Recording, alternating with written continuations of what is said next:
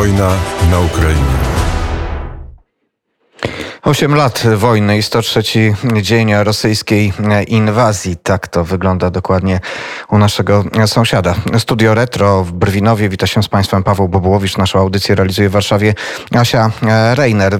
Dzisiaj w poranku mogliśmy wysłuchać materiałów z tej trasy bukaresztańskiej dziewiątki. Dziś była Słowacja, Bułgaria, ale była też Serbia. Zapraszam Państwa serdecznie do wysłuchania tych materiałów, bo one wiele też chyba mogą powiedzieć o tym, co dzieje się właśnie też na Ukrainie i jak wygląda na przykład kwestia wsparcia naszych działań na forum Unii Europejskiej przez innych europejskich partnerów. Ale o tym też na pewno porozmawiamy e, z dzisiejszym gościem, którym jest minister Marcin Przydacz, podsekretarz stanu w Ministerstwie Spraw Zagranicznych Rzeczypospolitej Polskiej. Dzień dobry panie ministrze. Dobry panie redaktorze, dzień dobry państwu. Panie ministrze, był pan świadkiem tego wyjątkowego na pewno wydarzenia, już tak możemy o nim mówić, czyli o konsultacjach międzyrządowych, które odbyły się 1 e, czerwca e, w Kijowie. E, polski rząd, rząd w takiej liczbie, że właściwie można było zebrać kworum i rząd mógłby obradować. Spotkał się z, z rządem Ukrainy w zagrożonej cały czas stolicy tego kraju. Jak zagrożonej mogliśmy o tym przekonać się wczoraj, gdy na Kijów znowu spadły rakiety. W cały szereg rozmów, e, cały dzień e, rozmów. E, panie ministrze, czego byliśmy świadkiem i co się wydarzyło? Czy to tylko tak, jak brzmi ten komunikat, konsultacje międzyrządowe, czy możemy mówić o jakimś zdecydowanie większym, szerszym procesie? No, panie redaktorze, rzeczywiście e, można śmiało nazywać to wydarzeniem historycznym. Praktycznie cały polski rząd e, e, pojechał do, do Kijowa i odbył tam całodniowe wspólne obrady z ukraińskim kierownictwem państwa. Posiedzenie otworzył prezydent Zeleński, później prowadził je pan minister, pan premier Szmychal razem z premierem Morawieckim, ale to te obrady plenarne to była tylko część. Tak naprawdę to, co było kluczowe, kluczowe to także te rozmowy pomiędzy poszczególnymi ministrami w swoich własnych podstolikach, prawda? Czy to ministrowie infrastruktury, czy to e, ministrowie właśnie wiceministrowie spraw zagranicznych, obrony, gospodarki, prawda, energii. Każdy, każdy odbył swoje tak naprawdę kluczowe dla interesu państwa polskiego, ale także i dla interesu oczywiście Ukrainy tematy. O tym, o tym rozmawiano. Rozmowy były produktywne, podpisano też szereg porozumień polsko, polsko-ukraińskich i nie tylko dotyczących te, tych najbardziej żywotnych dzisiaj problemów, czyli natury bezpieczeństwa czy współpracy w kontekście bezpieczeństwa, ale też wychodzące już na, na przyszłość, wychodzące na przyszłość właśnie w kontekście infrastrukturalnym, tak aby te połączenia infrastrukturalne pomiędzy Polską a Ukrainą były dużo bardziej intensywne i w dużo lepszym stanie. Także i oczywiście oczywiście dotyczące współpracy energetycznej. Polska e, jako e, jedno z e, no, niewielu państw, jeśli nie powiedzieć jedyne, przygotowywało się na ewentualne szantaże ze strony Rosji. Dzisiaj to my jesteśmy dostarczycielem bezpieczeństwa energetycznego dla regionu. Poprzez nasz gazoport, poprzez Baltic Pipe, poprzez naftoport w Gdańsku możemy pozyskiwać źródła energii z innych kierunków niż Rosja. Ukraina z kolei pozbawiona czasowo dostępu do Morza Czarnego, no w naturalny sposób zwraca się w kierunku Polski, e, poszukując tego bezpieczeństwa energetycznego w tym zakresie. Tego dotyczyły e, te rozmowy, tak jak mówię, były one bardzo konstruktywne i produktywne. E, tak, jak pan powiedział, te porozumienia, e, moratoria, osiem e, takich dokumentów, które zostało podpisanych, dotyczą rzeczywiście różnych sfer, ale oprócz tego, że były dokumenty podpisane, to nawet ta wizyta rozpoczęła się od bardzo praktycznego i konkretnego elementu. Kolejne miasteczko kontenerowe zostało otwarte na Ukrainie, w tym miejscu bardzo dotkniętym rosyjską okupacją w Borodziance. Premier Mateusz Morawiecki przekazał do użytku miasteczko kontenerowe dla tych, którzy tego potrzebowali. To zresztą nie, jedyna, nie jedyne miejsce. Mówi się też o Buczy. Na razie tam mieszka, e, może mieszkać kilkaset osób, ale docelowo mówi się o tysiącach osób, które będą mogły skorzystać z takiej formy e, polskiej pomocy humanitarnej. Tak, to jest jedna z formuł, w, której Polska się w zasadzie wyspecjalizowała, czyli e, miasteczka e, kontenerowe. My nigdy nie byliśmy w Polsce zwolennikami żadnych obozów, e, obozów namiotowych. Wszyscy doskonale wiemy, w jakich warunkach tam się funkcjonuje. Zupełnie czymś innym są miasteczka kontenerowe, gdzie w danym kontenerze no, jest urządzone prawda, podstawowe, podstawowe pomieszczenia. Kuchnia, łazienka, sypialnia, prawda, w której można w miarę normalnie funkcjonować, bo przecież nikt nie mówi o tym, że to jest e, realne realny substytut e, mieszkania, które zostało zniszczone, ale na ten czas, do momentu odbudowy tych miasteczek, chcieliby, chcieliśmy, aby, aby mieszkańcy Buczy, Borodzianki, ale także i tu pod Lwowem, przecież niedawno e, to minister Dworczyk otwierał takie miasteczko, chcielibyśmy, a, chcieliśmy, aby, aby ci wewnętrzni przesiedleńcy, czy uciekinierzy ze wschodu, czy ludzie, którzy wrócili właśnie do Borodzianki, do Buczy, zastali ruinę zamiast swojego domu, mogli w swoim własnym mieście funkcjonować niekoniecznie tłumacząc się po, po, po, po całym świecie. My jesteśmy e, jako państwo państwem e, solidarnym. Myślę, że większość Polaków absolutnie to doskonale e, rozumie. Znając też naszą historię, wiemy, jak to jest mieć tą pomocną dłoń wyciągniętą, prawda, w tych trudnych momentach. Myślę, że także i zdecydowana większość Ukraińców jest nam absolutnie z tego tytułu wdzięczna. Przynajmniej takie głosy słyszeliśmy na tych rozmowach w Kijowie, zarówno od prezydenta Zeleńskiego, jak i premiera Szmychala. E, no, dużo padało słów podziękowania i takiego właśnie docenienia roli Polski, nie tylko jako lidera e, w, w tych działaniach dyplomatycznych, nie tylko jeśli chodzi o wsparcie e, militarne, które Polska też wypracowuje z sojusznikami, w tym ze Stanami Zjednoczonymi, ale właśnie też jeśli chodzi o to wsparcie humanitarne, zarówno na miejscu, jak i oczywiście w Polsce. No, prezydent Zeleński mówił wprost, że no co, co my byśmy zrobili, gdybyśmy nie mieli tak dobrego sąsiada jak, jak Polska. To są takie momenty, które na pewno zostaną zapamiętane w historii, budują e, czy cementują te relacje e, polsko-ukraińskie na przyszłość i budują na pewno solidny fundament do e, przyszłych, przyszłych relacji, którego mam nadzieję wyznacznikiem będzie zapowiedziany przez prezydenta Dudę i prezydenta Zeleńskiego nowy traktat o przyjaźni, nowy traktat o, o stosunkach dobrosąsiedzkich, który, e, który mam nadzieję zarysuje przyszłość tych e, relacji, trochę w odwołaniu także i do naszych relacji z czasów e, pierwszej Rzeczypospolitej, prawda? Te wszystkie złe historie, które się później wydarzyły, były troszkę wynikiem błędów popełnionych wówczas. Te dobre relacje polsko-litewskie powinny wówczas być rozszerzone na inne narody czy powstające jeszcze, jeszcze wtedy nie było może narodów, no ale powiedzmy społeczeństwa, społeczności pierwszej Rzeczypospolitej, wtedy rzeczywiście stanowilibyśmy potęgę. Myślę, że ta współpraca dzisiaj w odwołaniu do tamtych e, historycznych doświadczeń mogłaby e, procentować. Rzeczywiście zaskakujące jest, że ten taki element historyczny pojawia się w wypowiedziach nawet ukraińskich polityków, e, którzy do tej pory dosyć rzadko odwoływali się do tradycji rzeczpospolitańskich, przecież budując inną narrację, narrację, która często opierała się o konflikcie e, z Rzeczpospolitą. Ale panie ministrze, e, opowiedział pan o tej pomocy humanitarnej, wspomniał pan kilkukrotnie, kilkukrotnie też pomoc militarną. Ona też przyjęła taki bardzo konkretny wymiar w czasie tego spotkania. Polska przekazała 18 armatochaubic.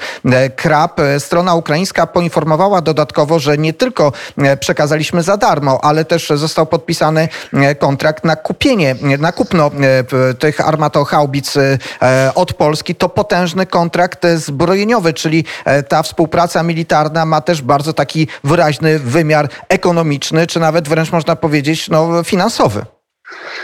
Tak, panie redaktorze. Zanim jeszcze słowo o, e, zanim jeszcze o, o, współpracy militarnej, słowo jeszcze o tej tematyce historycznej, bo to rzeczywiście jest warte odnotowania. Prezydent e, Zeleński, e, no jako też jako termin podpisania nowego traktatu o przyjaźni wskazuje styczeń przyszłego roku i, i rocznicę powstania styczniowego, odwołując się do tej historii. Jak pan redaktor słusznie wskazywał, do niedawna zupełnie inna narracja dominowała. Tutaj chęć podkreślenia tej, tego ostatniego powstania prowadzonego przeciwko Rosji pod herbem trzech narodów, czy, czy, czy trzech narodowości, prawda? Pamiętamy Orzeł Biały, Pogoń i Archanioł Michał jako patron Rusi, Rusi kijowskiej, dzisiejszej Ukrainy. No ta symbolika byłaby tutaj rzeczywiście gigantyczna i to nie mówimy tylko my jako Polacy, czy my jako Litwini, ale trzeci z członków e, naszego trójkąta lubelskiego, inicjatywy przecież zaproponowanej przez Ministerstwo Spraw Zagranicznych nie tak dawno, rozwijającej się bardzo dobrze właśnie w oparciu o te nasze dobre doświadczenia historyczne. Natomiast jeśli chodzi o współpracę militarną, rzeczywiście no tutaj uważamy, że sporo już się wydarzyło, jeśli chodzi o wsparcie sprzętowe, szkoleniowe w ostatnich miesiącach czy latach. Natomiast no, jasnym jest też, że e, te, te zasoby polskie absolutnie nie są wyczerpane. Natomiast to, co jest niewyczerpane, to zdolności polskiego przemysłu zbrojeniowego, który na pewno jest tutaj w stanie zaproponować dużo więcej. Uznaliśmy, że przekazywanie konkretnych e, elementów czy konkretnych części naszego sprzętu powinno pociągnąć za sobą e, zamówienia, zamówienia, które e, dadzą także szansę na rozwój polskiemu przemysłowi zbrojeniowemu na przyszłość, bo to nie mówimy tylko o dzisiaj czy o jutrze, ale także o przyszłych miesiącach czy, czy latach. Im więcej tego polskiego sprzętu będzie w krajach sąsiednich, zaprzyjaźnionych dla nas, tym lepiej na przyszłość dla polskiego przemysłu zbrojeniowego. To mogą być oczywiście miliardy dolarów dolarów, które w perspektywie lat będą płynąć do polskiej gospodarki. E, panie ministrze, pojawił się też e, wątek e, hubu dla ukraińskiego zboża. Premier Morawiecki powiedział, że Polska takim hubem dla ukraińskich produktów mogłaby się stać. Jak ma, miałoby to wyglądać? Wspominał Pan o tych kwestiach infrastrukturalnych. Jak wiemy, na razie granica polsko-ukraińska, przepraszam za takie określenie, którego użyję, jest po prostu zapchana. Czy rzeczywiście mamy szansę na to, żeby pomóc Ukraińcom w handlu zbożem, a to nie tylko pomoc Ukraińcom, bo przecież to pomoc dla całego świata? No, panie redaktorze, to jest bardzo ważny e, temat i nie tylko w relacjach polsko-ukraińskich. E, kwestia eksportu e, zboża z Ukrainy przez Polskę ma znaczenie nie tylko dla gospodarki ukraińskiej. No, w naturalny sposób w interesie Polski jest, aby to załamanie gospodarcze, które i tak Ukraina będzie przeżywać na skutek agresji rosyjskiej, no ta gospodarka kurczy się niestety, zniszczona infrastruktura, wypędzeni ludzie, to wszystko musi się odbyć na PKB ukraińskim, ale im mniejsza tam strata będzie, tym mniejszy poziom destabilizacji, co jest oczywiście w naszym interesie. Stąd też transport zboża, e, oczywiście nie mówię tutaj o bezpłatnym, ale także w ramach biznesowych relacji powinien być intensyfikowany, ale to co kluczowe z tej perspektywy to zablokowanie możliwości Rosji e, podpalenia kolejnego regionu. Rosja celowo blokuje porty, celowo nie dostarcza, czy nie pozwala na dostarczanie żywności do krajów Bliskiego Wschodu i Afryki Północnej, licząc na to, że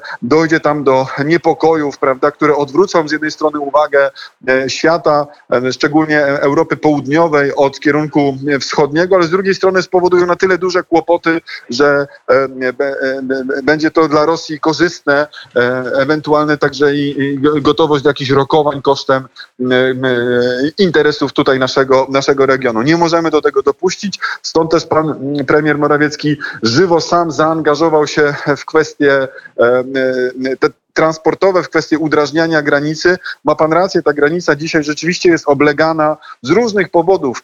Powodów y, jest no, mnóstwo przecież. Z jednej strony to są ciągle Ukraińcy przybywający do Polski, inni wracający po pierwsze. Po drugie, no, są też tacy, którzy prawda, przejeżdżają z dobytkiem w jedną czy w drugą stronę, pracowawszy w Polsce, nie wiem, zakupiwszy samochód, przejeżdżają, przejeżdżają na, na Ukrainę, no, ale także i wymiana handlowa. Skoro porty czarnomorskie są zablokowane, nie ma tu nic dziwnego, że Ukraina próbuje ten, e, te produkty, które jeszcze produkuje, które, którymi chce handlować, robi to przez granicę polską. No powoduje to oczywiście wzrost e, kolejek, mając jeszcze na uwadze fakt, że no nie wszyscy obywatele Ukrainy mogą opuszczać, prawda, mężczyźni w odpowiednim wieku nie mogą opuszczać terytorium Ukrainy, powoduje to zatory. Stąd też konieczność rozbudowy infrastruktury, Porówno, zarówno po polskiej stronie, jak i po ukraińskiej. Choć po polskiej stronie wydarzyło się w ostatnich latach przecież jednak sporo, mimo to chcemy, aby tam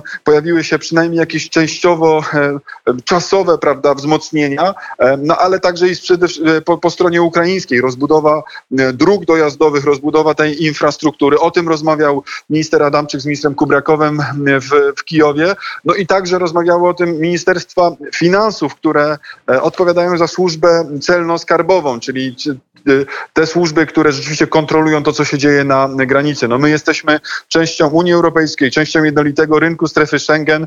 Mamy tutaj zobowiązania europejskie, musimy się z nich y, wywiązywać, ale chcemy, aby, aby ten, e, ta, ta, ta, ta drożność granicy, grani, przejść granicznych była na dużo wyższym poziomie, bo mówimy tutaj nie o tysiącach czy setkach tysięcy e, zbóż, ale nawet i o milionach tysięcy ton zbóż, które miałyby być przez polskie porty przetransportowane później w kierunku Afryki.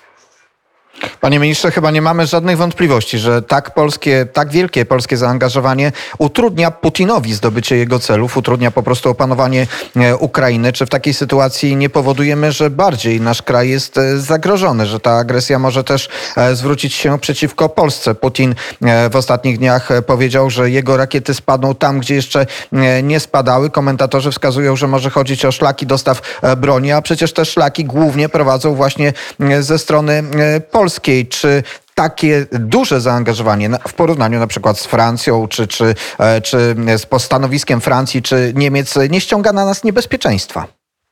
Panie redaktorze, w moim przekonaniu to niebezpieczeństwo e, z kierunku rosyjskiego istnieje, cały czas istniało także i wcześniej, przed wojną. No niestety w wyobrażeniu byłego oficera KGB, służącego zresztą w NRD, ciągle ta mapa E, e, funkcjonuje troszkę innym, e, w innym kształcie, w którym nadal funkcjonuje Związek Sowiecki i są państwa satelickie wokół. Myślę, że taki jest dalekosiężny plan Władimira Putina i tego się przede wszystkim powinniśmy obawiać jako chęci odbudowy tego imperium zła, jakim był Związek Sowiecki na trupach państw ościennych. Dziś to jest Ukraina, wcześniej to była Gruzja, to są inne państwa destabilizowane przez, e, przez Rosję. My jako Polska niestety również jesteśmy w tym sensie zagrożeni, że Władimir Putin będzie chciał, e, jeśli nie zostanie zatrzymany w Donbasie, to będzie chciał iść w kierunku Dniepru. Jeśli nie, jeśli nie zostanie zatrzymany na Dnieprze, to dalej jest Dniestr, prawda, a być może i San i, i Bóg. Mam nadzieję, że oczywiście nigdy do tego e, nie dojdzie i temu służy dzisiaj polityka zagraniczna Polski, temu służy jednoczenie Zachodu, które Polska, do którego Polska dokłada swoją gigantyczną część i temu służy także i wsparcie Ukrainy. Każdy jeden czołg czy armatochałbica, która służy na wschodzie Ukrainy, tak naprawdę broni bezpieczeństwa Polski, bezpieczeństwa Europy. Jeśli chodzi o bezpośrednie zagrożenie dla, dla Polski, e, no to oczywiście Władimir Putin będzie chciał nas przestraszyć, będzie chciał przestraszyć nie tylko Polskę, ale cały region, Europę, e, strasząc e, takimi, a nie innymi wojskami, prawda, czy to nawet jakimiś działaniami nuklearnymi, bo i takie historie się powtarzają, no ale też popatrzmy na kształt tej dzisiejszej armii, która rosyjskiej, która no z trudem sobie radzi, albo w zasadzie nie radzi sobie na frontach ukraińskich, przegrała bitwę Kijów, przegrała bitwę o Charków. Trudno jest e, zauważyć jakieś wielkie postępy, choć z drugiej strony no jednak 20% terytorium Ukrainy pozostaje pod zaborem, pod zaborem rosyjskim, więc nie można oczywiście lekceważyć zagrożenia rosyjskiego, dlatego my jako Polska rozbudowujemy swoją armię. No już w przyszłym roku będzie 3% PKB przeznaczonego, będzie dużo większa armia. Są nowe, e, e, nowe zakupy zbrojeniowe. Tutaj minister Mariusz Błaszczak bardzo aktywnie na tym odcinku działa. Mówię tutaj o ciężkim sprzęcie, ale także oczywiście my jako dyplomacja chcemy zwiększenia obecności sojuszniczej, natowskiej, amerykańskiej w Polsce. To, co już się udało, do czego doprowadzić, no to jednak w ostatnich miesiącach uległo znacznemu wzmocnieniu wojsko amerykańskie stacjonujące Pol w Polsce, prawda? W okolicach Rzeszowa stacjonują Amerykanie, są tam baterie osłaniające, mówię o patriotach oczywiście, osłaniające polskie niebo. Udało nam się zaprosić także i brytyjskich żołnierzy, którzy wspierają Polskę w jej poczuciu bezpieczeństwa, więc my jako Polska będziemy oczywiście y, tą politykę odstraszania kontynuować, bo nie jesteśmy zainteresowani oczywiście żadnym negatywnym rozwojem sytuacji. Musimy spowodować taką sytuację, w której Rosji nie będzie się absolutnie w żaden sposób opłacało nawet myśleć o tym, aby dokonywać jakichkolwiek aktów, y, aktów agresji. Natomiast zagrożenie hybrydowe czy zagrożenie w cyberprzestrzeni bardzo jest możliwe. Byliśmy tego świadkami na granicy polsko-białoruskiej w ostatnim półroczu zeszłego roku, gdzie jednak no, to była przeprowadzona zgrabnie operacja hybrydowa rękami Aleksandra Łukaszenki, ale co najmniej zawiedzą, jeśli nie z poruczenia Władimira Putina. E, panie ministrze, szybkie pytanie na koniec. E, ta wojna rozegra się w przestrzeni dyplomatycznej i zakończy się dzięki działaniom dyplomatycznym, czy tak jak twierdzą Ukraińcy, musi się zakończyć na polu boju? Ja osobiście uważam, że, że, że, że, zakończy się, musi się rozstrzygnąć na, na, na, polu, na polu bitwy, bo tylko Rosja, która rzeczywiście zostanie w jakimś sensie pobita, jest w stanie prze, przeprowadzić refleksję wewnętrzną, która daje szansę na rozwój, e, na rozwój e, działań dyplomatycznych. Nie może być tak, że działania dyplomatyczne będą wyprzedzać to, co się dzieje na, e, na froncie. Ukraina po prostu musi wygrać tę wojnę po to, żeby następnie z taką Rosją móc siąść do jakichkolwiek rozmów. Jeśli działania dyplomatyczne miałyby wyprzedzić działania na froncie, no musiałoby się to odbyć kosztem interesu szeroko pojętego Zachodu, interesu interesu bezpieczeństwa, czy kosztem interesu Ukrainy, a niepobita Rosja prawdopodobnie, tak jak to było po roku 2008, po roku 2014, znów zagrałaby na czas, gromadziwszy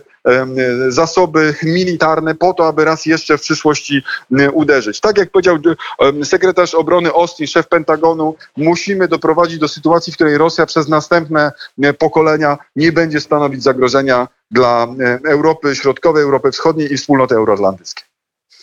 Państwa i moim gościem był minister Marcin Przydacz, podsekretarz stanu w Ministerstwie Spraw Zagranicznych RP. Bardzo serdecznie dziękuję. Dziękuję panie redaktorze. Kłaniam się. E, też się kłaniamy. Panie ministrze, obiecałem, że do godziny 9.50 trochę przeciągnąłem e, rozmowę, e, ale to myślę, że nie była i tak pełna rozmowa, bo wiele tych pytań jeszcze gdzieś pozostało w głowie. Strona ukraińska robi też wiele, żeby okazać nam sympatię. Minister wspomniał o tych wydarzeniach dotyczących kwestii historycznych, o powrocie do idei powstania styczniowego. Dzieje się też wiele w kwestii kultury i dlatego chciałbym, żebyście Państwo teraz posłuchali piosenki zespołu Antitiła po polsku.